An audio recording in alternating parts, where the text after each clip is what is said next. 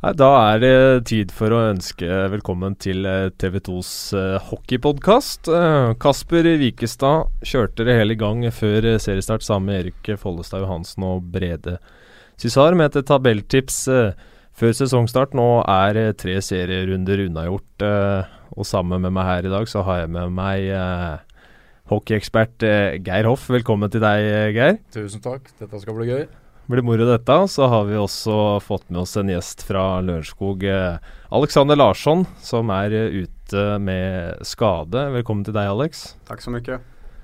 Du kan jo starte med å høre hvordan, hvordan er situasjonen eh, for deg, egentlig? Jeg lider av bivirkninger av en hjerneskakning fra sluttspillet i fjor. Og har hatt det veldig tøft egentlig i, i et halvår nå. Og jeg har vel ikke blitt av med mine problemer ennå. Men jeg jobber med litt ulike läkare så for å hitta løsninger for å bli, bli kvitt med det. Med de symptomene du har nå, er det, er det, noe man kan gjøre i det hele tatt? Eller er det bare å ta det lugnt? Egentlig ikke, men det er klart etter et halvår så begynner man å forsøke å finne litt ulike løsninger med, med ulike leger, Så, eh, så klart, det går ikke å, å bare begynne trene helt plutselig. Jeg må bli av med, med hodeverken og, og mine migreneattacker først. Vi får håpe det løser seg til slutt. Eh, jeg regner med at det er kjedelig å, å sitte og se på uh, Bare se på andre spille hockey òg. Jeg regner med at når du sliter med huet, så får du kanskje ikke lov til å være i hallen og se på matcher engang, eller? Her Periodevis er det jobbigt så klart, men nå når hockeyen er dratt i gang, så bør man kjenne et, eh, et oerhört sug. Altså man, man forstår hvorfor man holder på med det her når man när man är borta för man längtar efter det ganska fort. Så um, jag hade ju ett uh, ganska färskt tvåårskontrakt med Lörenskog också som jag hoppas kunna uh, bidra lite med. Så jag vill komma tilbake här i undersesongen og och, kunna hjälpa laget till uh, vinster men måste bli bra först då. Foreløpig, Geir, så er det Frisk Asker som har vært sterkest eh, i uh, ligaen. Åpna med en sterk uh, borteseier mot uh, Stavanger også, før de har vært solide. og De har tre, tre strake seire. Eh, er imponert over det Frisk Asker har vist oss så langt i sesongen? Ja, jeg er det. Spesielt som du sier, de, de har tre seire. Starta veldig bra, vinne 3-2 mot Oilers borte. oppskriftsmessig mot Kongsvinger 9-2. Uh, og så syns jeg kanskje de var litt heldige mot, uh, mot Vålerenga nå i siste kamp, hvor de vinner uh, 2-1. Skårer et powerplay med ca. ti minutter igjen. Men uh, Vålerenga ga dem full, full, match der. Og så kan vi heller kanskje se på det sånn at det er sterkt der å vinne når Vålerenga har en bra dag på bortebane. Så jeg syns Frisk innfrir det, de forventningene vi og mange andre også hadde til dem før serien starta. Importene dem ser uh, fryktelig gode ut, med Lamoureux, uh, Gary Nunn, Foster uh, Og så er det vel Patrick Wall, er det vel han heter. De har sett sterke ut. og er bra tilskudd til troppen. Ja, de fyller ut veldig bra der. Og det jeg syns Frisk har vært flinke til, sånn det ser ut så langt i hvert fall, det er at flere av de navnene du nevner, de er meget gode i, i Powerplay som gjør at uh, powerplay til Asker er, eh, er, er, er giftig. Uh, og det kan på en måte være den der lille tunge på vektskåla i de jevne kampene som, som oppstår. At de, så lenge de er med og får de mulighetene, og de gutta er, er giftige de, de situasjonene, så, så, kan det være nok. Og nå Siste match mot Vålinga så var jo akkurat det som skjedde. Vålinga følte spillet i store deler av kampen, følte jeg. Frisk hadde lite tid men får et powerplay da med ca. ti minutter igjen. og Det var det de trengte for å sette den avgjørende pinnen i den matchen. Alex, eh, du har vært med i noen år. Veit kanskje sjøl eh, hvor viktig det er å ha, ha spillere i laget som, eh, som, man kan stole på i, i sånne spennende matcher som, man, som er, blir avgjørende nesten i sluttfasene nesten hver eneste match. Hvor, hvor viktig det er for et lag? Nej men det är väldigt viktigt, viktigt och speciellt i, i powerplay då är det extra stor möjlighet att kunna ta vara på sådana chanser och avgöra med, med din spets i laget. Eh, men, men just Frisk då att de har lyckats träffa rätt med, med importerna hittills i alla fall. jag tror det är mycket lättare för importen i frisk nu för tiden att komma in och prestera för de, de har en såpass bra grund i laget nu för tiden med Bastiansen och Ödegård på, på norrmännen även Nilsson på backen och, och Dahlberg i mål är ju nästan som, som norrmän nu för tiden. Mm. Eller i alle i alla fall som egna spelare. Så de, de, har en bra grund å stå på. Det blir mye enklere for importen å komme inn og leverere det også. Ja, de har jo spilt eh, altså det 1-3-1-systemet til Sune nå, Sune Bergman i flere år også, Så det sitter jo litt i, i ryggmargen. Uh, og som vi sier her, så Det blir ikke altfor mange spillere som skal inn i et nytt system hvert år. Uh, og I tillegg så har de en del uh, friske unggutter også, syns jeg, da, som, uh, som, som, fyller og utfyller det laget. og har blitt et år eldre i år og tar litt mer plass. Altså, du har en Endre Medby som kom fra Lillehammer før fjorårssesongen. Hadde en kanonsesong i fjor, forventer kanskje enda mer av han i år. Lysta Jacobsen tilbake, ser bedre ut enn han har gjort på mange år, syns jeg. Så ja, frisk, spennende for øyeblikket. Samtidig så, så har de jo sett veldig bra ut defensivt. Slippe inn uh, fem mål på, på tre matcher. og det med Ødegaard ute med skade, som kanskje er den beste bekken deres. samtidig så har de også Niklas Dahlberg bakerst, som vi alle vet kan vinne matcher for dem hvis laget har en dårlig dag. Er kanskje den beste keeperen i ligaen også, Alex? Ja, han, han er dyktig. Jeg spilte med han for, for mange år siden i, i Sverige, i Sundsvall. Men eh, han har helt klart eh, börjat bra i år.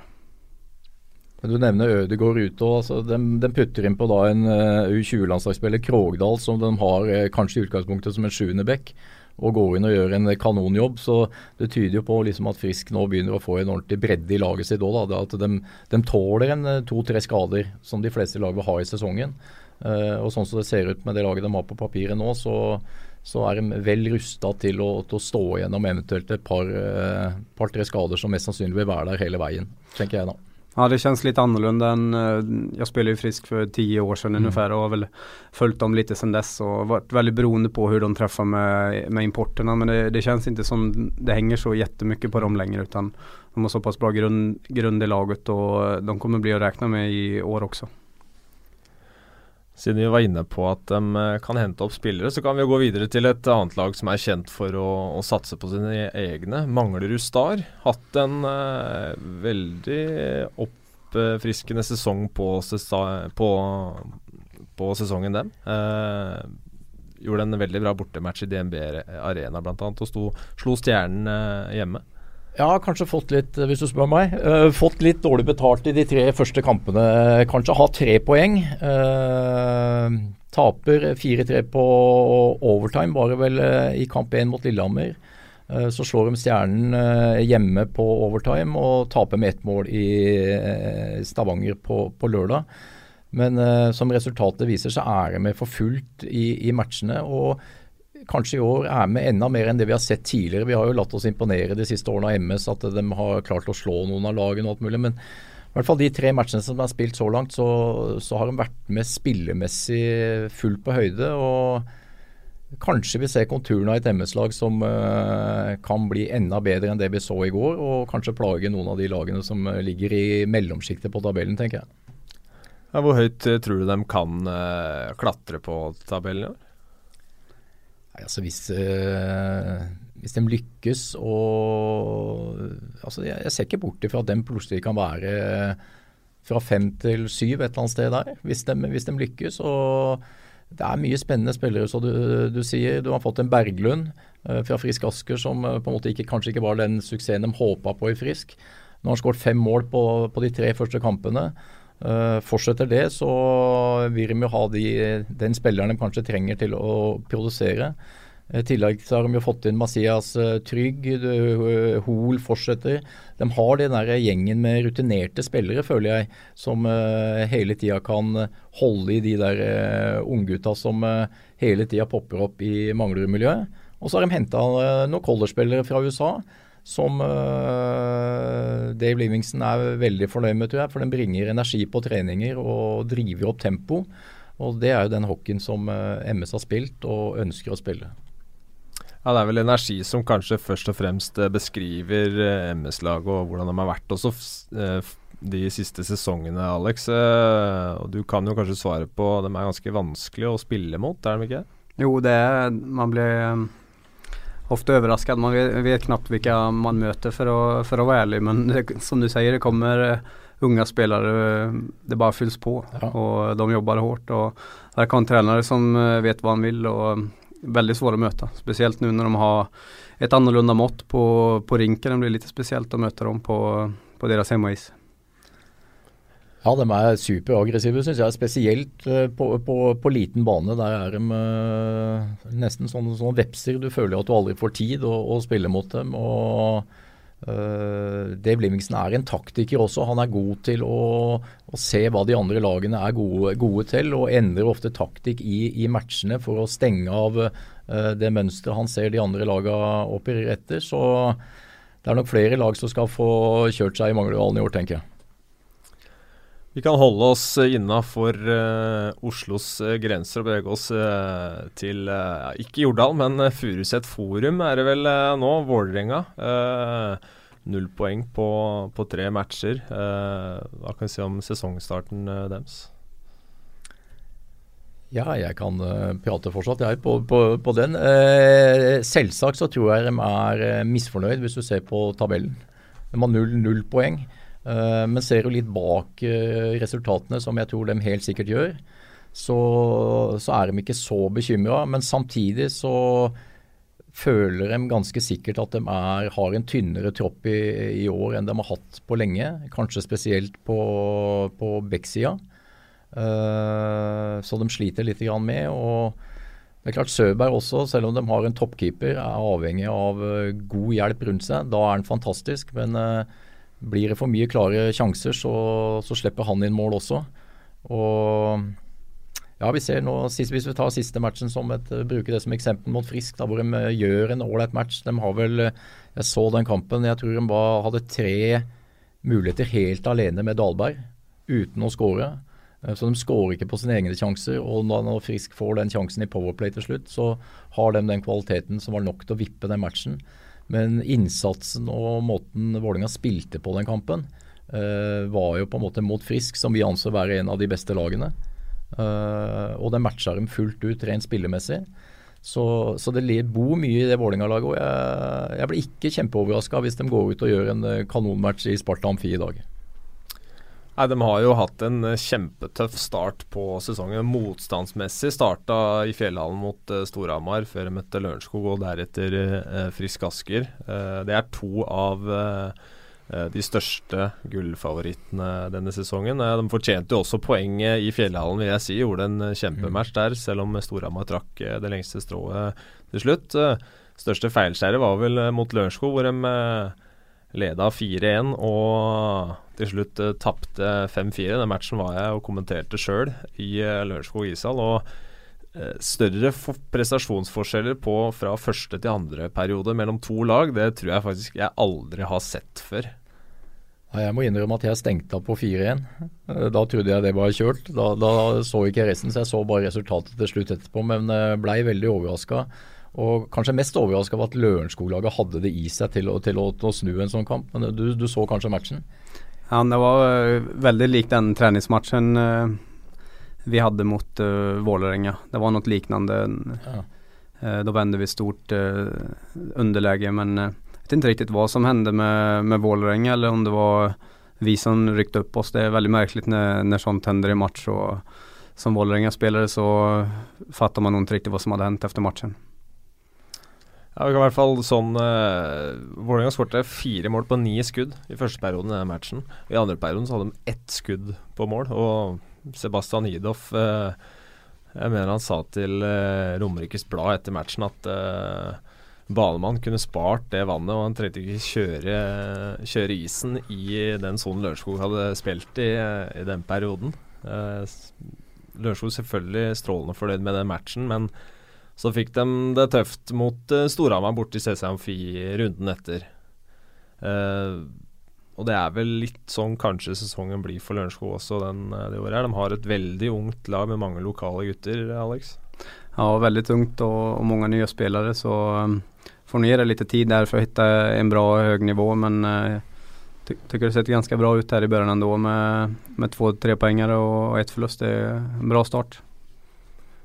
Har uh, mange oppadkommende spillere selvfølgelig som, har, uh, som, kommer fra egne rekker. Men det er jo også viktig at eh, noen av de unge som har vært med i noen år nå, virkelig tar steget. Og det er vel kanskje Brekke Henriksen og Sebastian Johansen som ser ut til å skal plukke opp, eller ta de rollene, i hvert fall den sesongen her, mest. da, Utmerker seg mest offensivt. Ja, og så um, får vi ikke glemme at Petter Grønstad har vært oppe mm. og nosat mange år. og uh, tror jeg Pratet med Kenneth i morse, han var uh, veldig imponert av bl.a. han. da.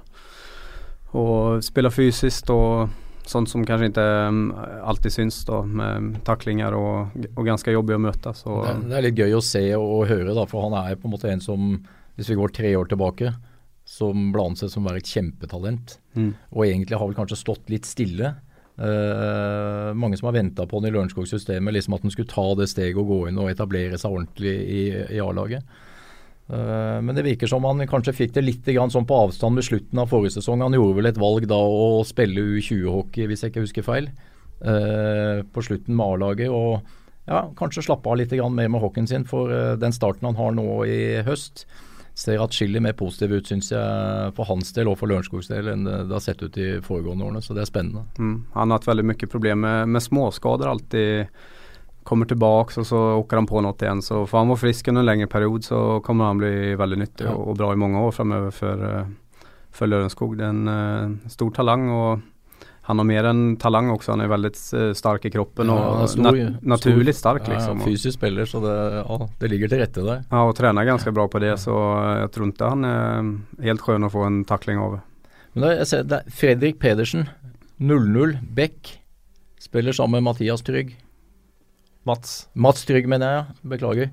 uh, altså, det å spille steady Dere som følger Lørenskog tettere.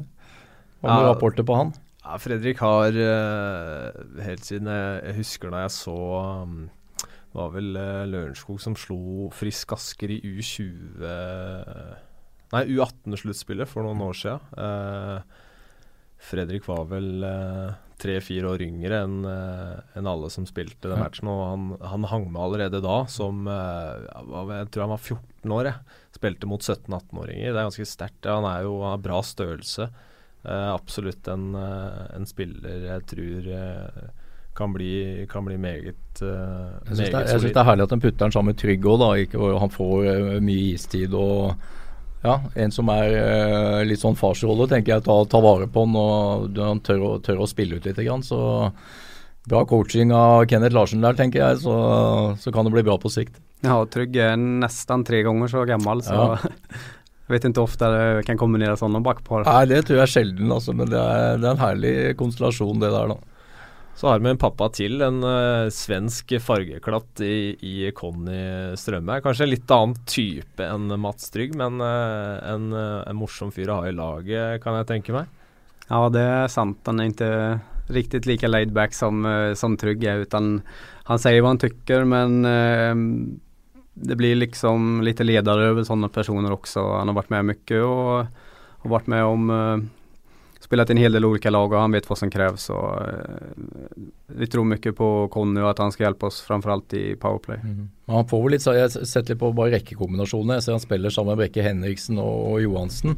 Så han får vel kanskje litt sånn samme rollen der òg, tenker jeg. da, sånn, mm. Å coache dem litt i uh, mens matchene pågår også, ikke sant. For unge spillere har gjerne mye pågangsmot, men innimellom så går det litt i hytt og gevær.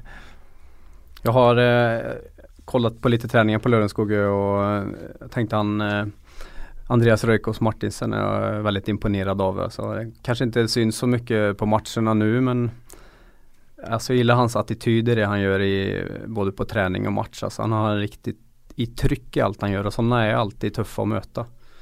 Um, kanske är lite vilsen just nu på isen. Man ska komma ihåg att det är hans första försäsong men eh, han påminner mycket om eh, när jag spelade med Henrik Ödegård som idag är en av ligans bästa backar och en viktig kugge i, i Al Norges A-landslag. Påminner mycket om han för tio år sedan faktiskt. Och får han eh, slipat lite på passningsspel och positionsspel så kommer du långt med den eh, attityden han har till spelet. Ja, han er jo bra størrelse og bra fysikk i, i, tillegg, så han fikk jo kjenne litt på norsk hockey i fjor. Var jo lånt ut litt til Storhamar der, var det vel, og var i Djurgården-systemet. Og Det virka jo som dem også hadde veldig tro på han en periode, hvor han fikk trene litt med A-lag og, og, sånne ting, hvis jeg ikke husker feil på det. Men eh, det er som du sier her, en del spillere trenger litt tid til, til å modnes eh, og lære å kjenne sin egen eh, kropp og måten å spille på. Eh, så jeg tror også uh, Martinsen på sikt kommer til å bli en meget uh, god norskbekk. Vi kan ta en liten avsporing der, når vi er inne på Røykås Martinsen. For han har også en lillebror som ble drafta av Washington Capitals i, i, sommer. Han befinner seg for tiden i Washington på preseason camp der. skulle egentlig vært i Florida og spilt en sånn Eh, en turnering med alle som har vært uh, blitt drafta nå i sommer. Men uh, i Florida så er vel ikke akkurat populært å reise til nå med tanke på været. har vært også matcha sammen med, i rekke med Aleksandr Ovetsjkin og Lars Eller på den campen. hvordan tror du det er for en ung nordmann som har vært to år i Sverige, og så plutselig så er i Washington DC og spiller med en av verdens beste ishockeyspillere? Det er klart det åpna seg en helt ny verden for han etter han gikk i det draftet. Uh, og kommer inn på en sånn camp og Men altså, jeg hadde, var med, er med på U20-landslaget og hadde med på samling her nå. Vi spilte en turnering i Karlstad i august. Uh, og Jeg har ikke sett så mye av han før, men altså, gutten har ferdigheter. Han har noe spesielt. altså Han har et utrolig bra håndleddskudd. Han trenger lite plass for å skåre mål. Uh, og Det er helt sikkert noen scouter som har sett også. Uh, så det blir spennende nå da når han kommer inn sammen med de, de store gutta. Jeg er sikker på at han uh, har uh, en herlig herlig tid der borte, og han lærer sikkert utrolig mye. så det gjelder bare for han å nyte, tenker jeg, og senke skuldra. og Jeg tror ingen forventer at han skal ta noe plass der borte. Han er der for å vise seg fram og forhåpentligvis overbevise at han har ferdigheter som de har lyst til å satse med på, på sikt. Har du spilt med noen av Ovetsjkins kaliber, Larsson? Nej, inte i samma kedja i alla fall. Nej, det är ganska fräck start att få spela med världens bästa ryss och världens bästa dansk. Ja. Och det måste ju visa att, eh, att de tror på honom ganska mycket. Att han har eh, kvaliteter att kunna spela i en toppkedja på sikt. Mm. Att de testar honom direkt. Mm. Så det, det är fräckt. Men hoppas att han inte tar plats i år så kan eh, Andreas locka hem honom till Lørenskog här när september är klart. Så. Det tviler jag på. Jag tvivlar på om han spelar i Lørenskog. Litt sånn pussig tilfeldighet. Men jeg, jeg, bor jo på Lørenskog, og da, da jeg skulle ta toget inn til byen uh, i dag morges, så satt, eller, møtte jeg faktisk moren uh, til Kristian uh, og Andreas og fikk høre litt om hvordan han hadde hatt det. og jeg, jeg, tror ikke han ble noe mindre nervøs for å vise seg fram da han fikk se rekkesammensetningene som skulle være på første, første treninga. Uh, og så fått litt sånn småfeedback av uh, Ovetsjkin. Han, uh, som man kanskje kan forvente, er han ikke den mest pedagogiske mannen her i verden, kanskje, men det må være en opplevelse. Så i hvert fall vi får, vi, får, sette punktum der med hva som foregår i Washington, og heller bevege oss over til Østfold. Men Det er herlig at vi har norske spillere som er i den posisjonen. Unge spillere. Absolutt, vi får håpe det kommer absolutt. flere på, på, sikt. Det viser jo også for, eh, for unge nordmenn at uh, det betaler seg å, å, først og fremst å trene, men det også å ta de sjansene som kommer, som Kristian som, uh, som flytta over til Almtuna og har uh, hatt bra utvikling der. Ja, altså Det, det finnes muligheter hele veien for unge spillere. Det, er, det blir spilt VM hvert år. og det, altså det er utrolig, I, I hockeyen så er det utrolig mye folk som er ute og titter hele tiden. Så hvis du blir god nok, så er jeg ganske sikker på at du blir eh, oppdaga av noen folk som er interessert til å, å gjøre noe mer ut av talentet ditt. Som sagt, vi skal til eh, Østfold. Vi kan godt ta, oss, ta, for oss den røde delen av fylket der først i, eh, i Stjernen så det har vært litt sånn uh, opp og ned der også i sesongstarten. Uh, vi har en bra norsk stamme. Fått inn spillere som, som Røste Fossen, Eikrem Haugen på bekken. også Joakim Sundelius, som kanskje har vært den som har stikket fram brystkassa mest så langt. Har seks poeng etter tre matcher mot 20 poeng for Lørenskog i fjor. Du har spilt med Sundelius, uh, Alex. Uh, hva kan du si om han som, som spiller? Ja, han har spelat i samme kjede som han uh, 50, 60, 70 matcher någonting de siste to årene, så, så kjenner han veldig bra. Han, eh, hans styrke som hockeyspiller er jo skridskåkingen og ligger rett i banen. Um, det man kunne ønske av han eh, de årene vi spilte ihop er jo at han kunne sette dit puckene litt oftere men han kanskje får bättre pasninger nu. Så, eh, nej men det, jag känner det jag saknat att han eh, målskyttet lite så. Och um, sen har ju haft problemen med en handled i egentligen ett och ett halvt år också. Och när den är stel, det gör, det gör att du får lite sämre teknik och lite sämre skott och allting. Kanske mm. har han blivit lite bättre nu. Han är i en annan roll nu, jag pratade med honom igår. Han eh, spelar center i, i Stjärnen och, och får spela lite mer powerplay. Du får ju mycket mer målchanser i powerplay och självförtroende på allt det där. Och så. Sen är han ju inte så gammal heller så någon gång kan han ju få ett genombrott. Så han har alla möjligheter att dominera den här ligan i flera år framöver. Jeg er helt enig. Du, du påpeker alderen. altså Han er født 91, ikke sant? så han begynner å nærme seg som prime, tenker jeg, da hvor det virkelig tar av. og uh, De fleste av oss har jo sett potensialet der hele tida. Liksom venta på at han skulle ta steget opp og bli uh, en god sånn A-landslagskandidat. Uh, og Interessant å høre liksom på senteren. Jeg ser for meg at Han er god på skøyter. Kanskje han blir enda mer involvert tenker jeg, i en senterrolle også enn en på vingen. Han har pucken mer. og Rent sånn én-mot-én-situasjoner er han jo guffen å ha med å gjøre. Han er smidig og kommer ofte rundt, rundt de bekkene han utfordrer. Så Sundelius, veldig bra catch for, for, Stjernen, og tror jeg bra for hans egen utvikling også, med å på en måte bli veldig sentral i et lag. Uh, tror jeg var viktig for han nå for å ta et, ta et steg, steg videre. Det er, vel, eh, det er, vel, akkurat det de har lyst til, hele stjerneleiren, egentlig. Det å ta et steg videre òg. Men så, så røyk de nå på bortis mot MS, som vi skal selvfølgelig ikke ta noe ifra Manglerud Star. Men hvis, hvis, de skal eh, ikke være en middelhavsfarer, så er han vel nødt til å, å, vinne den type match også, selv om han har en litt dårlig dag. Ja, det blir synsing fra min side. Altså, jeg har vanskelig med å se stjernen på øvre del av tabellen med det laget de har. Selv om de på en måte lykkes. Jeg, jeg klarer ikke helt å se at de har uh, nok spisskompetanse til å, til å utfordre på en måte topp topp fem. Så jeg tror uh, Stjernen kommer til å få det ganske tøft ja, utover uh, i løpet av sesongen. Jeg er litt spent på Røste Fossen. Har vel ikke spilt ennå. Uh, skada hva han kan tilføre. Stjernen har vel lansert det litt som at en som skal produsere mye poeng, etter hva jeg har, sett. Det vil også overraske meg om Røste Fossen er den type, type, spiller. For meg er han en energispiller som går ut og jobber hardt og er godt trent. Og, så spørs det om det er det Stjernen har behov for, eller om de hadde hatt behov for en som uh, var kanskje enda mer produktiv enn det vi har sett Sundelius her har spilt mot Røstefossen du, eh, Larsson. Uh, han er en, i hvert fall en uh, veldig vond spiller å møte. Ja, det kan smelle litt her og var, men uh, han har vel hatt litt problemer med, med skader. Og. Ja, hadde en alvorlig skade. Kom jo tilbake, og så jeg lurer på om ikke han fikk en hamstringskade. En alvorlig på, når han kom tilbake i Oilers i fjor. Og det er den han sliter med ennå, tror jeg, da, med, med, å komme på is. De sier at han er i nærheten, men som sagt, ikke spilt kamp ennå. Litt uh, ja, nærmere svenskegrensa så, så har vi Sparta. Uh, kanskje litt mer spisskompetanse uh, i troppen som Sjur Overt Nilsen mønstrer, eller?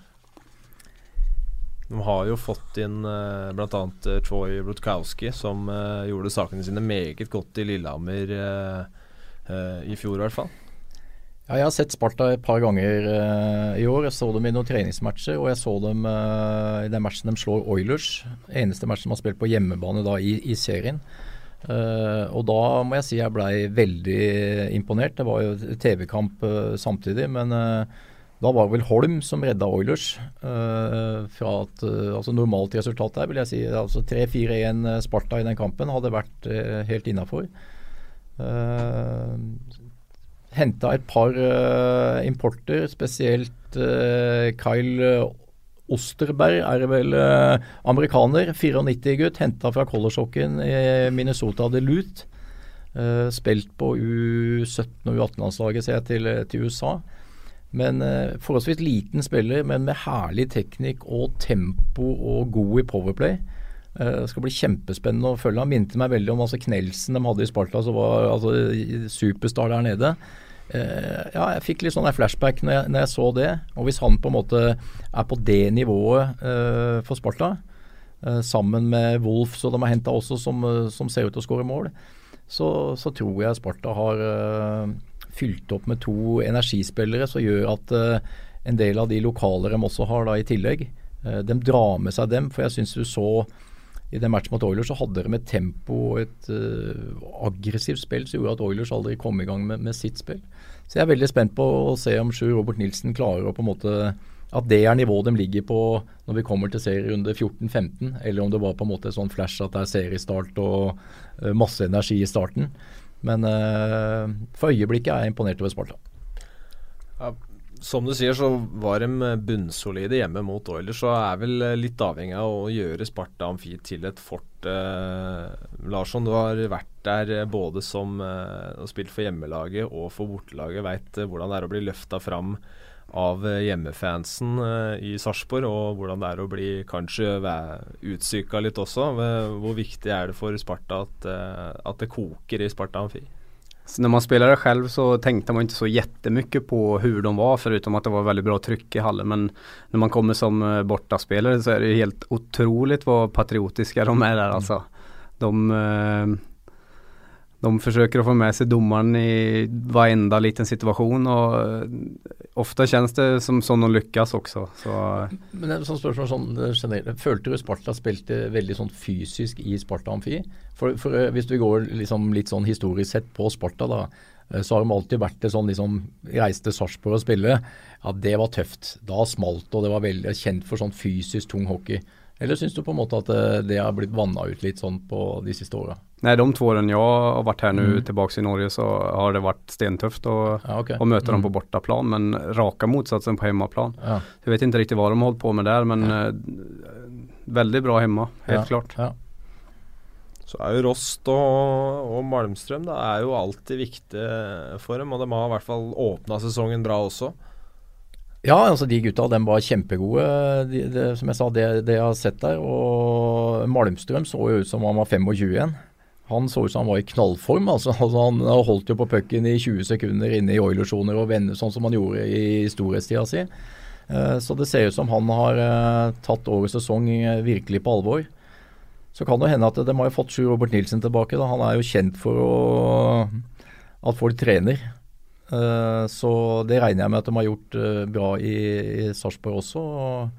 Men mye lokale gutter. De, de, har jo litt sånn lokalt preg på laget sitt, dem også. Altså, du har en uh, unggutt i Karlsen som har kommet hjem fra, fra Sverige og vært ute. Du, du har Knoll, Kopperud, kometspiller som har kommet inn. Så det begynner å bli en del sånn lokale innslag, og det tror jeg uh, Sparta har vært bevisste på. De ønsker å bygge opp en litt sånn profil med, uh, med en del lokale gutter, for å håpe å kanskje få litt mer hva de kalte seg, Hockeytown.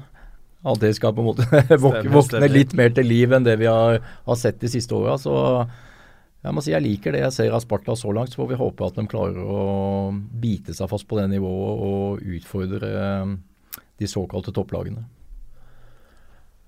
Det er vel eh, kanskje eh, riktig å kalle Hamar for eh, Norges hockeytown, og med tanke på den feberen som har vært der de siste årene. De har ikke helt fått det til å stemme sportslig etter at de var Tok vel sølv i både serie og, og sluttspill. Hadde et eventyr i CHL påfølgende sesong, men her hjemme i Norge så har det ikke helt løsna. de åpna bra i Fjellhallen før de fikk det litt tøft eh, mot Lillehammer hjemme i CC Amfi runden etter. Og så slo de Lørenskog 4-1 eh, i helga som var nå. hva syns du om måten Storhamar har åpna på, Geir? Syns de altså, Ta den der første matchen mot, mot Vålinga først, da, i Fjellhallen. Vålinga hadde hjemmekamp. Men en fantastisk åpning av Gateligaen, syns jeg. den stemninga som var der, og hypen rundt den kampen. Eh, Patrick Thoresen var på vei hjem. Eh, TV 2 inn med tungt skyts. Eh, du fikk kjenne på stemninga før der. Så, og den besto dem jo. Den vinner jo den 4-3.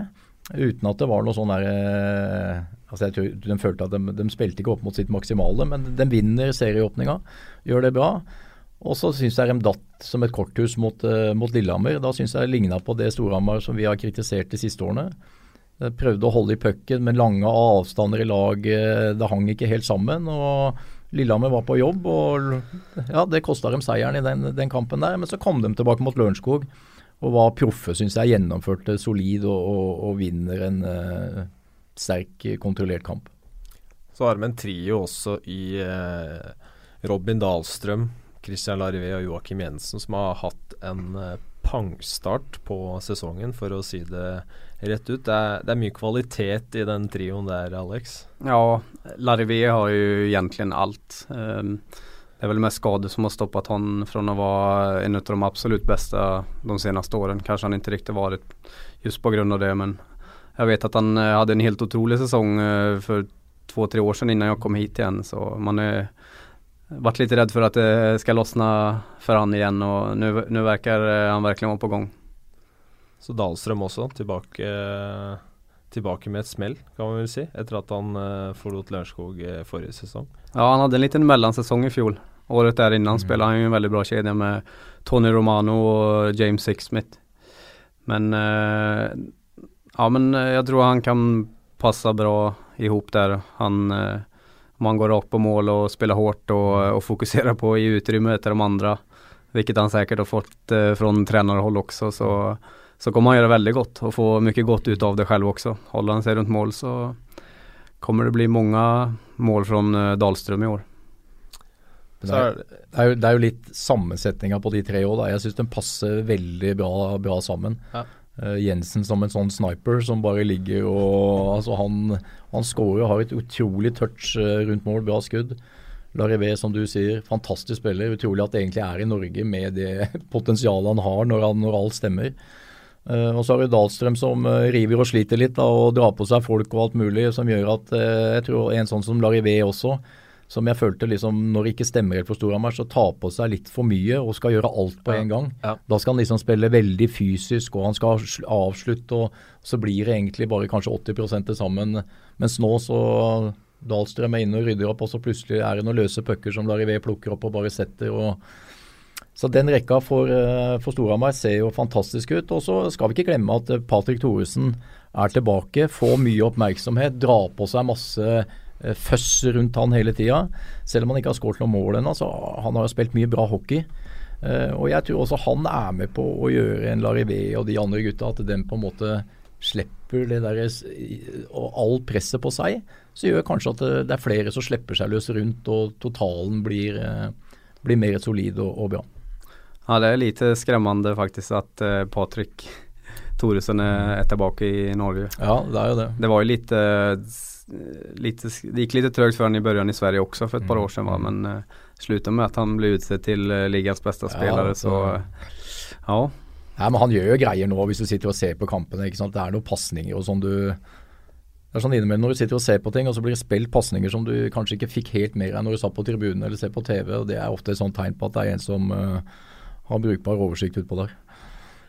Kanskje lett å bli historieløs, og her har du nok eh, bedre oversikt enn meg, eh, Geir. Men, men, en type som Patrick, med den karrieren han har hatt Han har vært mm. i NHL, vært stjerne i Sverige, stjerne i Sveits, stjerne i Russland. Vært, eh, altså, vært med å vinne i, i de beste ligaene i Europa også. Uh, har, har vi hatt en spiller i Gateligaen som har holdt så høyt nivå?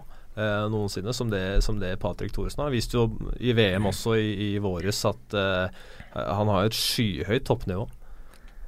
Ja, altså Hvis vi snakker om spillere som har vært ute og gjort og kommet tilbake, så er det vel ikke Nå må man arrestere meg hvis jeg tar feil, men jeg kommer ikke på noen i farta i hvert fall som er eh, Eller har gjort det han har gjort, og komme hjem og på en måte er eh, Det virker i hvert fall på meg all in på å spille i Gateligaen. Og eh, gjøre det for sitt eh, kjære Storhamar, som eh, på en måte var med og starta det hele. Så får vi se om han fullfører hele sesongen, eventuelt om det er, om det er endestasjonen på at det, det blir Hamar til over. Men det vil jo overraske meg. Men uh, Thoresen uh, er på jobb hver dag, og han kommer til å bli uh, veldig bra for Storhamar denne sesongen, er det er jeg helt sikker på. Vi kan uh, reise videre til uh, Glommas bredder før vi beveger oss litt oppover uh, Mjøsa, egentlig. Kongsvinger. ikke fått med seg noen poeng så langt. Har en god sjanse mot MS i kveld, men ja, likevel så har Kongsvinger de har vært nære gjort to gode hjemmeopptredener både mot, uh, mot Lørenskog og Sparta. Tapte med ett mål mot uh, Lørenskog i serieåpningen, og så to uh, Tapte vel 5-3 til slutt, tror jeg, mot Sparta etter å ha leda etter to perioder. Tror du vi kan få se et Kongsvinger som er med og ypper eh, litt mer denne sesongen her, etter hva, man, hva de har vist uh, de første rundene? Skal jeg svare? Ja. Uh, ja. jeg tror det. Men samtidig så tror jeg altså et Kongsvinger, ny trener, Ed Galliani, uh, gammel storhet fra Stavanger. Ja, det, er, ja. det er nesten rørende, faktisk. Ja, det er, det er en vakker historie i seg sjøl, men den kan vi ta på et annet tidspunkt. Men i hvert fall han uh, Eh, syns jeg setter litt grann, Du begynner å se litt uh, altså tendensene, hva, hva, hva, han står for. Han har også vært ute og henta litt av uh, collegespillere i USA, men stort sett fra tredjedivisjon. Og det har sikkert noe med økonomi å gjøre, hvilke spillere han kan få tak i med de midlene de har til rådighet. Uh, henta noen store bekker. Uh, og som du sier, Kongsvinger har vært i nærheten, men det er klart det koster mye krutt òg, tenker jeg. Altså hvis de altså For hver runde så går nå hvor de ikke får med seg poeng, ja. og han trøkker på med laget sitt og spiller hardt fordi de er i nærheten, uh, jo vanskeligere blir det, tenker jeg. Så matchen i dag mot MS kan være en sånn nøkkelkamp uh, for Kongsvinger og liksom nærmeste framtid framover. Få med seg noen poeng i dag, litt sånn boost inn, så, så tror jeg vi kan se et Kongsvinger-lag som kan uh, plage noen innimellom Tror jeg i hvert fall. Men uh, fortsetter de å tape jevne kamper, så kan det bli tøft på sikt. Ja, det kan, det kan låte litt tidlig å si det innenfor fjerde matchen, men jeg holder med deg faktisk. Altså, de har, det er vel noen spillere som er kvar fra uh, de andre sesongene, og de mm. måste vara oerhört trøtte på å förlora alltså. Ja. Och en vinst kan gjøre mye. Och haft lite tuffa förluster här direkt och det hjälper inte självförtroendet direkt. Så jag, jag, tror också, även om det är fjärde rundan bara, att det blir ja, mer eller mindre mentalt, tenker jeg da. Ja. Sånn, altså, alltid når det er nytt, så liksom alle gleder seg av pågangsmot. Ja. Men så liksom når du ikke får med deg noe, så et eller annet sted så begynner det å bare bli tungt. da. Så har det vært å møte Kongsvinger under året. Altså, visse av matchene, man møter dem eh, fem ganger per år, visse matcher har de vært ganske bra. Mm. Men så fort det har blitt litt mer, mer eh, motgang da kan det lett ramle inn fire-fem mål til. Altså. Ja. Så man merker at det er et lag med, med veldig dårlig selvfortroende og trøtt på Flora. Men de har Travinski. Spennende spiller i Kongsvinger. Ja, Turnavski. Ja, er det det? Ja, ja, ja, det er deilig at du tar og setter meg på plass. uh, men altså uh, Han er spennende. Ja, var vel opprinnelig fra Stjernen, hvis jeg ikke tar feil. Var det ikke det? Var der, uh, jo, jeg tror det kom til Kongsvinger for noen år siden. Men uh, unggutt som virker som fortsetter å utvikle seg.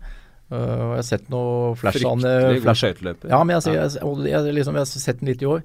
Og ser forskjell fra i fjor. Da blir jeg glad når jeg ser sånn at det er, det er utvikling på unge spillere. Og.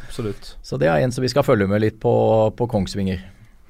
Jeg syns også det er kult at eh, både Sundquist og Lennhammer, de, de svenske bekkene deres, som er ganske svære, og jeg, etter min mening to bra backer blir med videre. Og, og, fra hva jeg har hørt, så, så er grunnen de, eh, de trives uh, mm. å spille i Nights Så det, det, er i hvert fall godt å, å høre at, at, det er et ålreit miljø der, selv om det har vært Selvfølgelig sportslig så har de slitt. Det har vært også litt trøbbel økonomisk, men, men at de klarer å ha et, et bra miljø og en ålreit moral i laget også, er jo helt avgjørende for at de skal kunne overleve. Jeg må si jeg ønsker alt i verden at Kongsvinger tar noen poeng ja, og melder seg på og på en måte blir en, eh, en utfordrer uh, i Gateligaen også. Det, som vi starta med, det, matchene har vært utrolig jevne, stort sett alle matchene i Gateligaen så langt. og da, For meg er det liksom et, da forteller jeg at det begynner å bli bra nivå på ligaen. Uh, ting er uforutsatt, folk må være klar til kamp hver gang. Mm. Og Hvis du ikke er det, så taper du.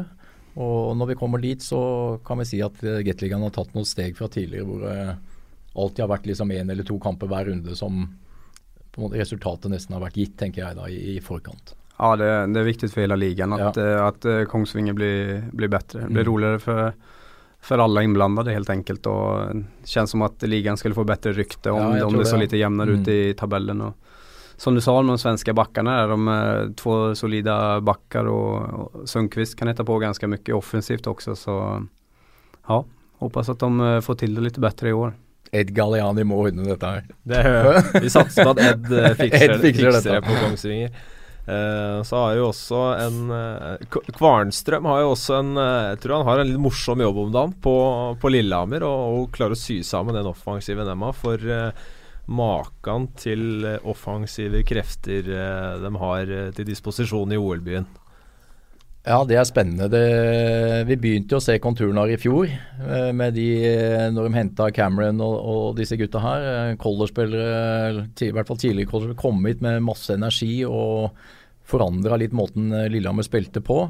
Uh, gjort noen ytterligere forsterkninger fra samme miljøene i, i år. og ja, Kjempespennende eh, Lillehammer-lag, samtidig som de har eh, vi har vært innom det på andre lag også, friske unggutter. Eh, så de eh, på en måte kan fylle rundt, eh, rundt disse gutta her. Og har jo en tre-fire mann som er høyaktuelle for eh, U20-landslaget.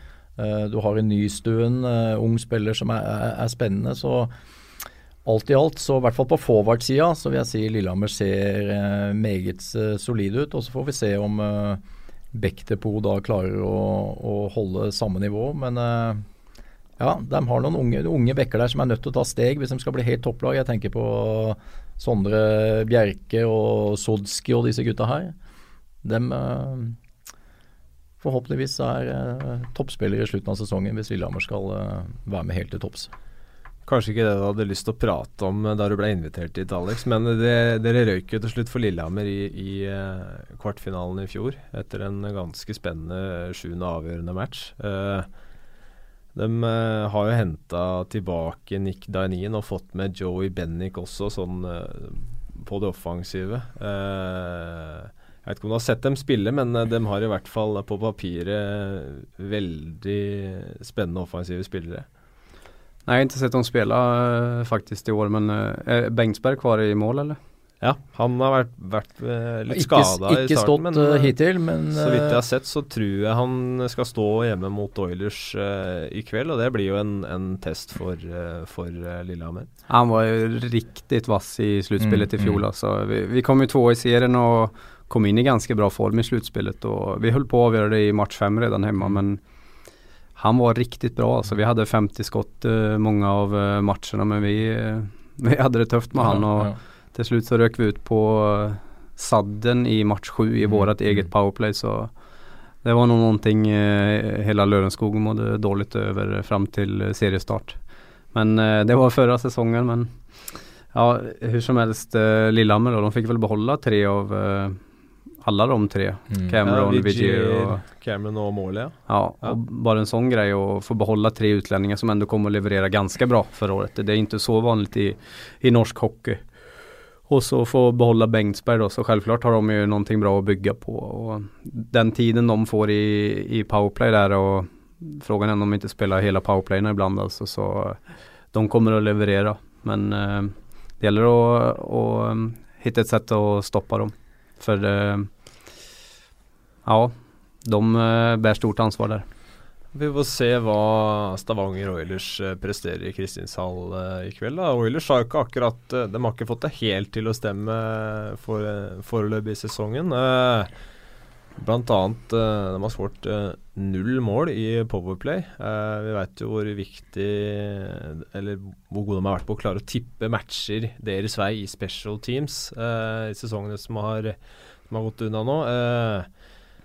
Eh, hva tenker du om eh, det Stavanger har prestert så langt, eh, Hoff? Kanskje litt eh, ja, Hva skal man si? Kanskje litt feil mann å spørre, siden du har en junior i det? Nei, jeg føler altså, jeg, jeg har ikke noe trøbbel med å, med å si noe på det. Altså, det er klart Oilers hatt eh, de har, Skal ikke glemme at de har Champions League.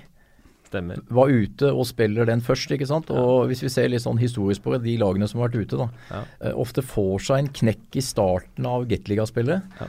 Eh, jeg vet ikke, altså Oilers bør jo egentlig være rutinerte på det nå og vite hva som kommer. Men eh, de gjorde jo mye bra matcher i Champions League i år også, selv om de, eh, selv om de tapte dem en på, det var flere på overtime, hvis jeg ikke husker feil. Jo, stemmer. Det var, det var fryktelig mye nesten Ja, nesten, ja. eh, i alle matchene. Men altså mot topplag i Europa, ikke sant. Så, Ja. så alt lå jo på en måte til rette for at dette Oilers-laget så solid ut gående inn. Uh, se på de tre matchene de har spilt. Første matchen mot Frisk hjemme taper uh, 2-3. Ja, altså Ikke noe krise, det. Frisk er uh, bra lag, det, og var helt, helt åpen kamp. Sparta borte. Ja, får med seg ett poeng. Møter et Sparta-lag som var bedre enn dem den, den kampen der. Og så er det neste match hjemme da mot MS hvor de vinner 4-3 hadde vel Hva skal jeg si Den var jo bedre enn MS den matchen der. Men uh, som du sier, Powerplay har ikke skåret der ennå. Slipper til litt for mye. For Holm har kanskje vært den beste spilleren deres i de kampene. Uh, og slipper til litt for mye. Uh, så jeg syns jo noen av på backsida til Hvis vi tar dem først, da, så syns jeg altså Gedig er jo ny, en offensiv kraft så de trodde skulle Jeg syns han altså ikke, kanskje ikke har vært god nok på, på defensiven ennå. Strøm litt det samme. Eh, litt mye fumbles med pucker og litt for treigt å spille opp innimellom. Og, eh, men det er jo store gutter som ofte trenger litt tid på å, å komme i gang. Uh, så har vi henta inn flere. da, Djupvik, Børresen, Kokkola er man heter han finnen, Romano. Mm, ja. og resten av laget er jo kjent fra før. Men det virker som de trenger litt tid på at laget skal sette seg. da, For de, de har ikke akkurat vært livsfarlige framover heller, føler jeg, i, i de kampene som har vært spilt. De har jo litt å, å fylle igjen etter eh, ja. Tommy og, og Dahl Andersen mm. Eh, slutade ju, de har ju bärt eh, Stavanger i jag vet inte hur många år. Og det ja, kommer ikke Kissel, Kissel, Kissel der ja. altså, det, det mista noe tungt skyts i fjor. Altså. Er ikke han heller kvar? Nei. Altså, ja, da er det jo helt uh, Var det Sveits, eller han gikk til ja. Sveits? Ja. Og det, det, er og når du henter inn ja, både Gedig Romano Det er litt sånn jeg føler at kanskje Pål Gulbrandsen uh, har satt et litt større preg på laget, forma det litt mer for seg sjøl nå. For han arva jo nesten stallen til Petter Thoresen. Uh, tror jeg har vært bevisst å få inn en sånn type som f.eks. Gedig, som uh, som er en, en litt annen uh, defensiv type vi ikke har sett uh, kanskje siden uh, Var vel Kurt Davies, eller? Vi, han het Ja, det er liksom, Jeg tror de håper altså det vi, Hvis vi ser historisk på Geddy, altså det er jo det, han stunt når han var i Stjernen. Mm. Hvor han var på en måte sånn loose gun, bare. Han sto oppført på bekken, men jeg syns han var høyest oppe i angrepssonen. enn ja, ja. Altså hvor han var på en måte bare helt fri, da, men hadde et fryktelig klyv og skåret en del mål. Men han vervet som forward eller back? Ja, det, var, det er back han er. Han står som back. Men uh, Han har sett mye på Erik Karlsson, han uh, Larsson. Ja. ja. det var full fart framåt. Jeg kommer ihåg det. var ja, ja. To, to, år siden. Ja, men altså En herlig spiller, men så altså, er det mulig å få til i et Oilers-system, da? Eller, sant? Det, og Det er derfor jeg tror ting tar litt tid kanskje før det setter seg at han finner sin rolle. Ja. Eh, samme med du nevnte Romano og Reed, altså de har henta inn å erstatte eh, Kissel og med, med flere der. Mm. Eh, det tar nok litt tid for de også gutta ja, finner sine roller og finner måten å spille på. For, for Oilers er jo et veldig strukturert lag. Absolutt. De, de følger systemet sitt og kipper og går og skal sette press og Jo, de, de, de, de, tre spillerne som levner nå, da, Tommy Dahl Andersen og och Kissel, de, ja. de visste jo det där spelet ut ja. og inn. Ja. Och levererade alltid. Alla visste hva de fikk ut av dem. Det var 50-60 poeng per mm, spelare mm. per år. Och det er ikke helt lett å bare hitta nyförvärv som fyller den, eh, den, eh, den trøyen. Nei, helt enig, og det tar litt tid å, sette inn. Men eh, på papiret, når vi ser mannskapet Oilers har, så dem kommer til å være med, dem kommer til å være med utover. Så har jo Holm eh, Det har jo blitt satt et spørsmålstegn bak ham eh, når han skal liksom bære Oilers-laget sjøl, eh, men han har jo levert til de grader i innledningen i hvert fall. Ja, jeg må si det jeg så Holm mot Sparta, mm. det er noe av det bedre jeg har sett han. Altså, jeg trodde ikke han hadde det i seg. Altså, jeg jeg syns det har vært bra, men hele tida har jeg følt liksom at han har levd litt på å ha hatt veldig bra lag rundt seg. Men mot Sparta så hadde han ikke det bra rundt Da måtte han steppe opp på egen hånd. Han hadde et par eh, redninger hvor, eh, som var helt fantastiske. Eh, så for øyeblikket så har Oilers levd litt på Holm, og det,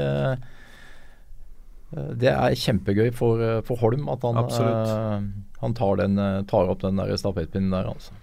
Så jeg også gi honnør til Oilers, og at de uh, istedenfor å hente inn en utenlandsk keeper når Smith gir seg, så henter de heller opp uh, Oppsal uh, gir han uh, andrerollen der. Jeg uh, syns det er kult at de uh, velger å gjøre det. Vi veit de har midler til å, til å gjøre det litt annerledes, men å heller gi en, en ung nordmann sjansen til å utvikle seg. Ja, jeg syns det er kjempebra, men samtidig er det en litt sånn uh, konsekvens, tenker jeg da. Oilers nå har bygd opp en, uh, en bra juniorkultur. De har et hockeygymnas der borte. Har henta unge keepere. Uh, har en kjempebra keepertrener. Og har på en måte utvikla unge keepere nå da som er på en måte begynner å nærme seg A-lag. Altså Hva ville signaleffekten vært med å hente inn når en sånn posisjon ble åpen nå, og henta inn en ny utlending f.eks., mm. og på en måte brukt tre-fire år på disse unge keeperne, altså nei, det har ikke plass til dere allikevel. Så jeg tror, jeg tror det er flere lag som med å utvikle unge spillere vil, eh, må ta noen sånne strategiske valg. at eh, ja, Da får vi stå, stå i det hele veien. og Jeg syns det er tøft av Oilers å, å, vise at de står for den linja de har uh, sagt de skal prøve å bygge opp. Mm. Vi skal eh, litt eh, videre i uh, sendingen, for uh, siden dette var ja, Det er vel egentlig strengt talt sending nummer to for sesongen, men for min egen del så er det den første, og vi ønska litt Eller etterlyste litt innspill fra hockeyfansen rundt omkring i går. For vi, litt sånne temaer hva vi kan prate om. så vi fått inn et spørsmål fra Dagfinn Reinertsen, som vil at vi skal diskutere Eh, det at forbundet nå har begynt å gå igjennom eh, skåringene eh, og gjøre eventuelle endringer på, på målgivende pasninger eller skåringer som er feil, eh, kan jo nesten starte med å spørre deg, eh, Alex. Eh, har det vært litt for lett å prate til seg andre assist på, fra benken tidligere?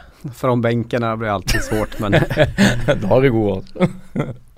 Nej men det, det, är bra att det görs riktigt eh, men det är väldigt viktigt att, det, att spelarna inte bara blir, eh, blir av med assist utan måste även lägga till dem som folk inte har fått. Alltså. För oss spelare har det väl varit ganska skönt att du vet att det alltid kan lösa sig på något vis. Mm. Så är det inte alltid andra ligor utan om du har missat ditt assist där och matchen är slut är det inte alltid det varit så enkelt att ändra på det. Mm. Och det Alltså man anpassar sig nästan efter statistiken. Om du vet att du gjorde ett assist men du får inte statistiken då blir det lätt att efter några veckor så tänker du att jag gjorde inget poäng i den matchen. Mm, mm. så det är väldigt viktigt för spelarna att, uh, att det blir rätt. Och, och, just det där med att de tar bort dem, men alla som ska läggas till då, så tycker jag det är jättebra att det är. För då kan man släppa det helt och hållet och slippa jaga jage efter, uh, efter målen. Hva syns du Geir? Jeg syns det, altså det, er helt riktig at de gjør det på den måten. For det, det har uh, i mine øyne sklidd litt ut, uh, hele det der greiene der. Altså det, I og med at alt er blitt tilgjengelig, så er statistikk blitt så viktig også. Uh, det er For spillere så er det, hvis du er en offensiv som lever av å produsere, så er det jo et salgsargument hvis du har lyst til å komme deg ut, eller du skal bytte klubb, eller det er veldig mange som er inne og, og, og ser på det. Men så har det jo gått så langt, følte jeg en stund der, at det liksom ble det skåret et mål, så ble det gitt to assist. Uh, selv om det var på en måte en spiller som bare stjal pucken av en bekk og så gikk inn og satt den sjøl, så var det de to som spilte sammen. Altså ja, vi putter på noe assist der. Uh, og det blir, jo, det blir, jo, helt feil, for da mister det jo troverdighet, tenker jeg. og uh, Jeg syns også ligaen mister litt troverdighet. da. Hvis du går inn og ser på norske ligaen, og så er det plutselig masse spillere som sier du har spilt uh, 40 kamper, og så har du 60 poeng. Det er ikke så mange andre ligaer det er mulig. I hvert fall kanskje noen sånne superspillere gjør det. Men i norske ligaen så altså, veldig mange som hadde mye poeng. Uh, og det Jeg tror en, en del av det ja, sklidd, sklidd litt ut. Så gå inn og kontrollere nå, stramme til litt på det. og De som fortjener å få det, som har vært borti pucken eller spilt en pasning eller vært framme og forsøka å vinne i pucken, men altså du har vært borti og involvert i situasjonen, fortjener en assist, skal få det. Uh, men å gå bort til dommeren i ettertid og du ikke har vært i nærheten, og ja, kast på han nummer åtte der, altså bare for at poengene skal være der. Det blir, det blir feil, syns jeg. da.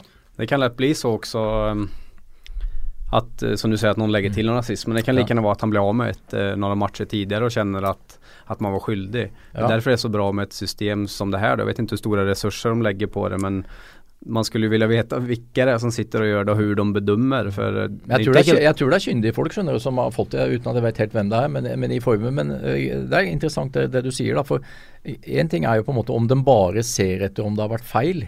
Eller på en måte kanskje det bare har vært ene siste, men det burde vært to. Jeg tenkte på en liten detalj før matchen med Eller om det var hjemme mot Vålerenga. Da Brekke fikk en puck på seg på Peter Grønstads mål. Ja, stemmer. Fikk han nazist på den eksempel? For det, kände, for det var ingen nazist når jeg kollade første gangen. Nå tenker man det der er et sånt solklart tilfelle, for Brekke skulle jo aldri åke og legge til et assist. Han er aldri for ødmjuk for. Ja, ja, ja. Men det er et sånt tilfelle der han skal få det og videogranske Jo, men det, det blir viktig for den jobben de skal gjøre, tenker jeg. da, altså det, At de ser på hvert mål, helt uavhengig om de hele tida Sånn at de ikke bare er på jakt og tar vekk. Det måste være helt Ja, eh. Ja, men se på hver situasjon, om det er én eller to assist. Og så gjennomføre dette, ikke bare gjøre det etter eh, de første tre rundene, men gjøre det gjennom hele sesongen og være konsekvente også er jo viktig. For hvis det bare renner ut, så er det jo egentlig ikke noe vits å begynne i det hele tatt. Blir bare på torsdag. Ja, ikke sant? Ikke sant? måste vara väldigt Ja. skönt för, för domaren att slippa för 50% av konversasjoner ja. ute på Ja. isen måste handle handla om, eh, om mål og assister. Ty- och lägga energi på rett saker. Jeg tror det blir mye Jeg tror det blir lei importa som skal jobbe med Elite Prospect CV-en. Ja, jeg kan tenke meg at dommerne har en hel del å, å gjøre der, faktisk. Og, men helt ærlig så blir mye bedre fokus fra uh, framfor alt dommerne, om de slipper å holde på med det der. Jo, men så befriende, tenker jeg. da, for altså, Selv om du gjør en feil, så vet du at det blir retta opp eh, dagen etterpå av noen som ser gjennom allikevel. Mm. Da, er det jo, da kan du legge vekk det. Legge vekk det, da. Selvsagt prøver du å få det riktig, men altså innimellom så sier du feil. Men det blir justert av en eller annen som det blir rett dagen etter. Så det utgangspunktet der tror jeg er kjempebra. Jeg har eh, også noen eh, kjappe spørsmål til deg, Alex. Eh, vi tenkte å, Hver gang vi har en spiller her, så skulle vi ta noen, noen kjappe spørsmål for å bli litt bedre kjent med deg. Eh, Jeg kan starte med nummer én. Eh, Hvilken av keepera i Gateligaen er, eh, er verst å score på? Ja du, eh, Bengtsberg måste jag säga efter fjolårets slutspel. Du føler du prøvde deg mye der og fikk lite uttelling? Jag hade väldigt mange skott og uh, inget i mål. Hva er det som gjør det vanskelig å møte Bengsberg? Jag vet inte. Jag, jag tyckte jag hade en, mål, en, ganske ganska eh, målrik säsong för att vara med i fjol men jeg jag är ganska säker på att jag hade noll mål mot han på mm, 12 matcher eller någonting. Och, så i mina ögon så um, ser han väldigt bra ut. Hvilken uh, utespiller er den verst å møte? Eller har vært verst å møte, da, for din del? Jag tyckte att eh, van Gilde var eh, otroligt eh, bra i fjol bo- på allt. Tekninger, tuff, gjorde mål hela tiden och eh, han var väldigt bra. Ja, Du er vel ikke så vant til å tape så mange dropper, kanskje?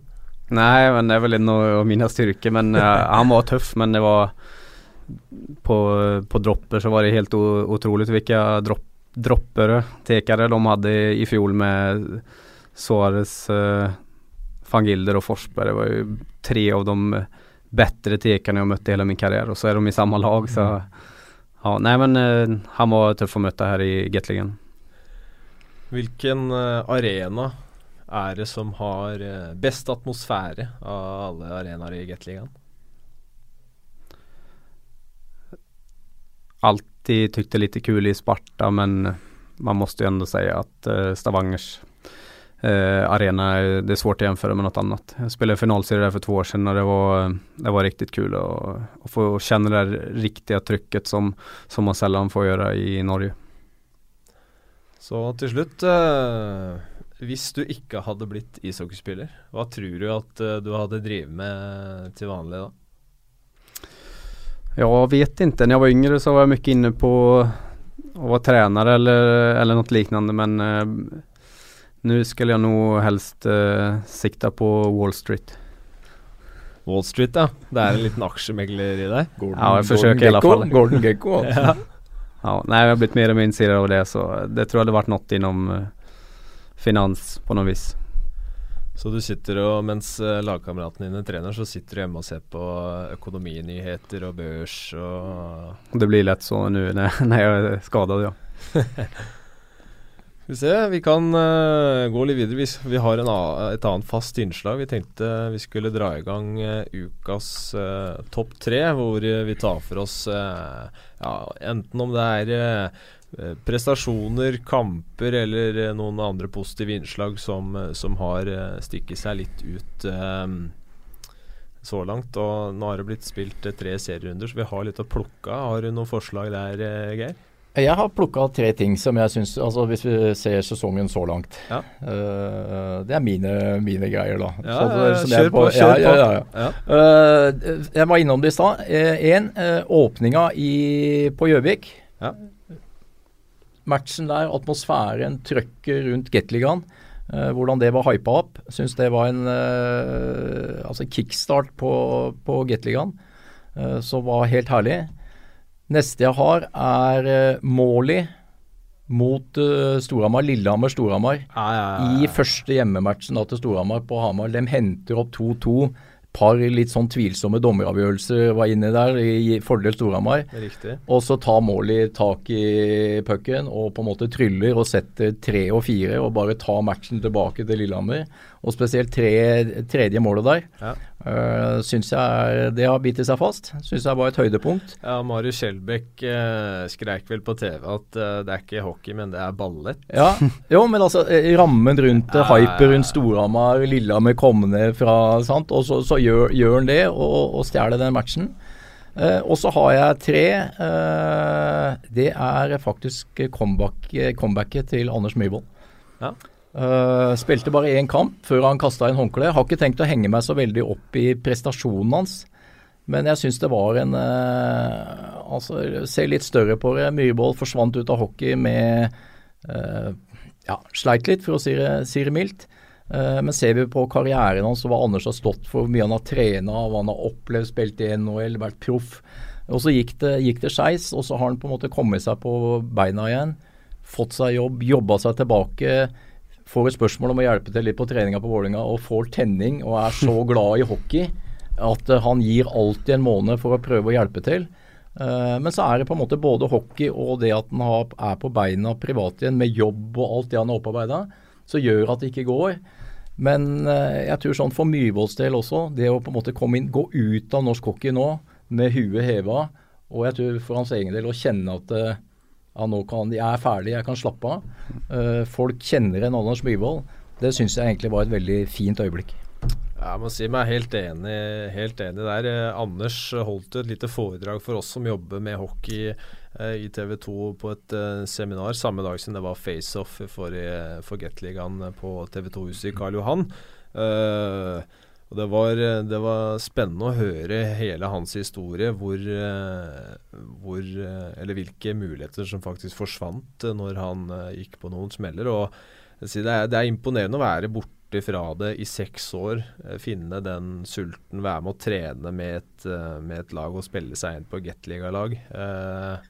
Og få det få et helt annet punktum enn hva han egentlig hadde på, på karrieren.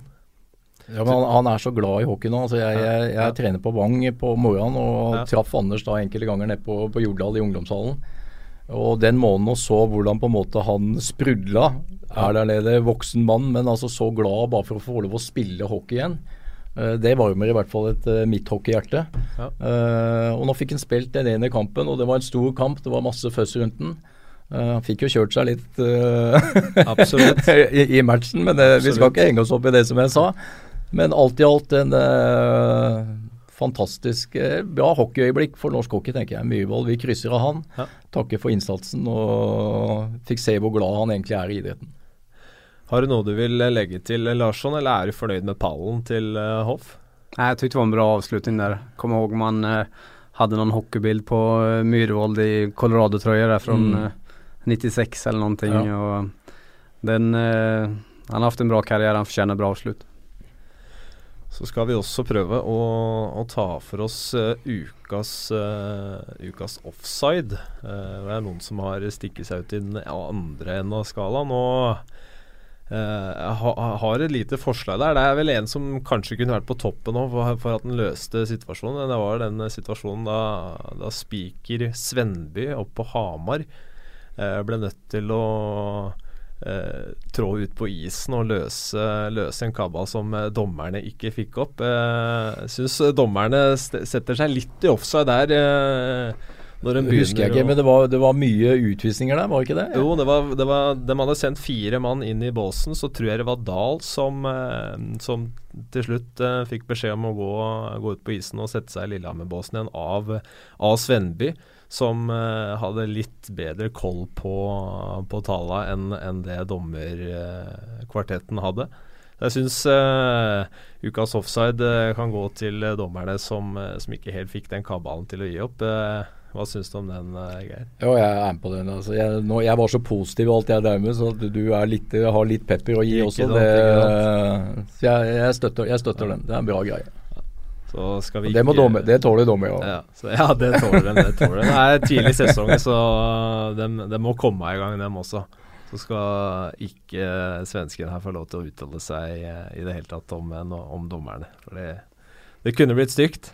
Ja, jeg er jo bra kompis med dommerne. er det noen av dommerne du har, eh, har en ekstra god tone med? Er det noen du syns er liksom flink med spillerne og det å lede kampen? Jag brukar egentligen aldrig eh, döma en domare efter insats utan jag vill ha kommunikation ja. på isen. Eller jag, ja. Då kan det lätt bli att man eh, accepterar eh, ett ja. domslut men när det inte tolereras någon kommunikasjon, kommunikation eller att man får något väldigt otrevligt tillbaka då eh, är det inte lika uppskattat från min sida. Men hva mener du med kommunikasjon, da? På isen? Nei, men At en domare noen sjalerer når man har noe. Altså man är ju, det er jo fullt med adrenalin och du vill ju ibland ha ett snabbt svar liksom. Ja. även om du inte är kapten eller assisterande så blir det lätt att du vill ha och vissa domare svarar eh, enkelt och bra och vissa domare kan bara vända ryggen och då blir det lätt att det kommer är, några ord Jag är förbannad. Ja, nej men jag jag har bra kommunikation med några av domarna i serien helt klart och sämre med några andra. Så, men så är det väl för de flesta. Helt til slutt så skal vi ta og rette blikket mot uh, kveldens uh, matcher. Uh, det er jo full get-runde til en forandring nå i dag, selv om det er tirsdag. først så ta kort om MS Kongsvinger. Hva tror du blir avgjørende der, Hoff?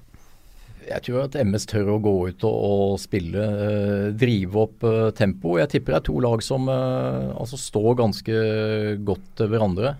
Uh, men jeg, jeg, er ikke sikker på utfallet i den, den matchen her eller Kongsvinger har en uh, tendens til å gjøre bra matcher mot, uh, mot, MS. Nå vant vel Kongsvinger den siste i fjor i den kvaliken nå, men stemmer, da var det for så vidt avgjort. Ja. Men uh, for MS del bør vinne hvis de har intensjon om å henge med litt, litt med opp på tabellen. Kongsvinger også må vinne hvis vi skal få vår ønsketenkning at de også skal involvere seg. Så jeg tror det kan bli en, eh, en herlig match med litt uh, nerve der oppe. For begge lag føler at det er en sånn kamp de er nødt til å vinne. Det er vel to lag vi unner alle poeng de, eh, ja. de, klarer å krige til seg. Så vi kan vel si vi heier på begge lag i den matchen. Ja, vi gjør det litt i dag. Ja.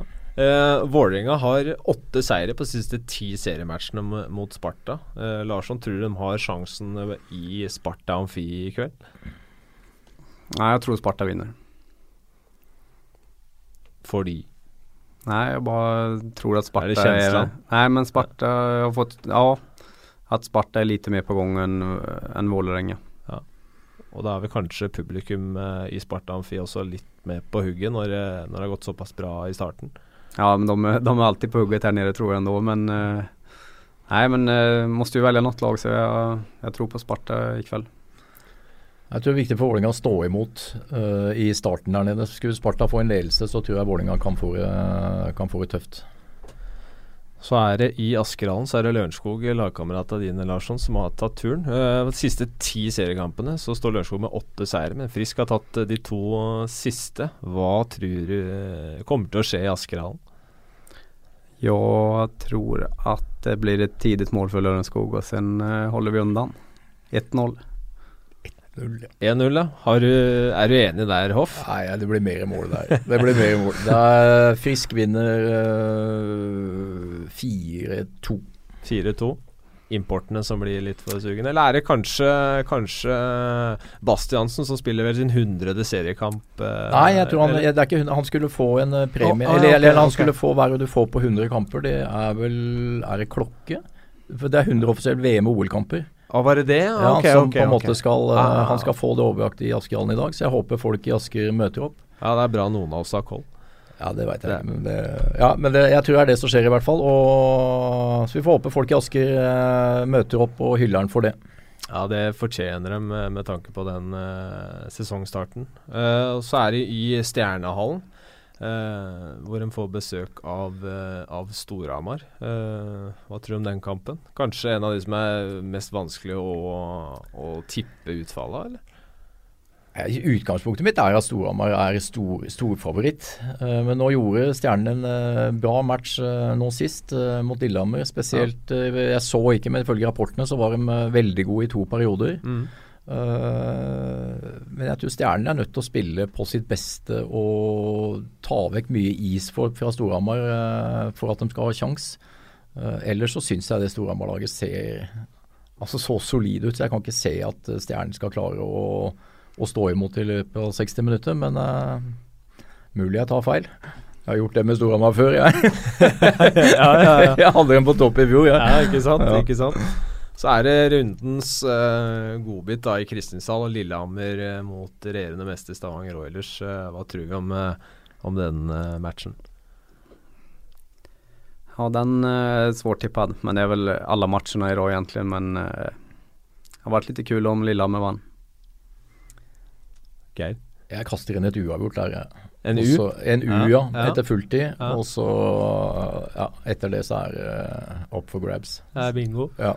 Her blir det mål, eller blir det Romano, Source? Altså, jeg, tror bli, jeg, jeg, tipper det blir ganske lite mål i den matchen. Jeg tipper 2-2, tror jeg, på resultat fulltid. 2-2, ja. Det blir uh, spennende å se. Uh, helt avslutningsvis så hadde det vært uh, veldig hyggelig om alle som hører på, går inn på iTunes og gir oss en ålreit rating, så vi får lov til å fortsette med denne podkasten. Ja, planen er i hvert fall at vi er tilbake om eh, to uker, hvor vi skal ta for oss mer av det som har skjedd fram til da. Dere får bare henge med på TV2s eh, plattformer og følge med på både Sportskanalen, TV2 Sumo og TV2NO fram til den gang. Med, for det kommer nok til å spilles eh, mye deilig hockey de neste to ukene. Tusen takk eh, til deg, Geir Hoff, for at du tok turen hit eh, i dag. Takk, takk. Hyggelig. Og tusen takk til deg også, Aleksander, for at du tok turen. Takk så mye, det var kult å få med. Så får vi bare ønske deg god bedring og håpe at, uh, at uh, det løser seg for din del uh, så snart som mulig. Tusen takk til dere som har lytta på oss også. Vi er som sagt tilbake om to uker. Vi hørs.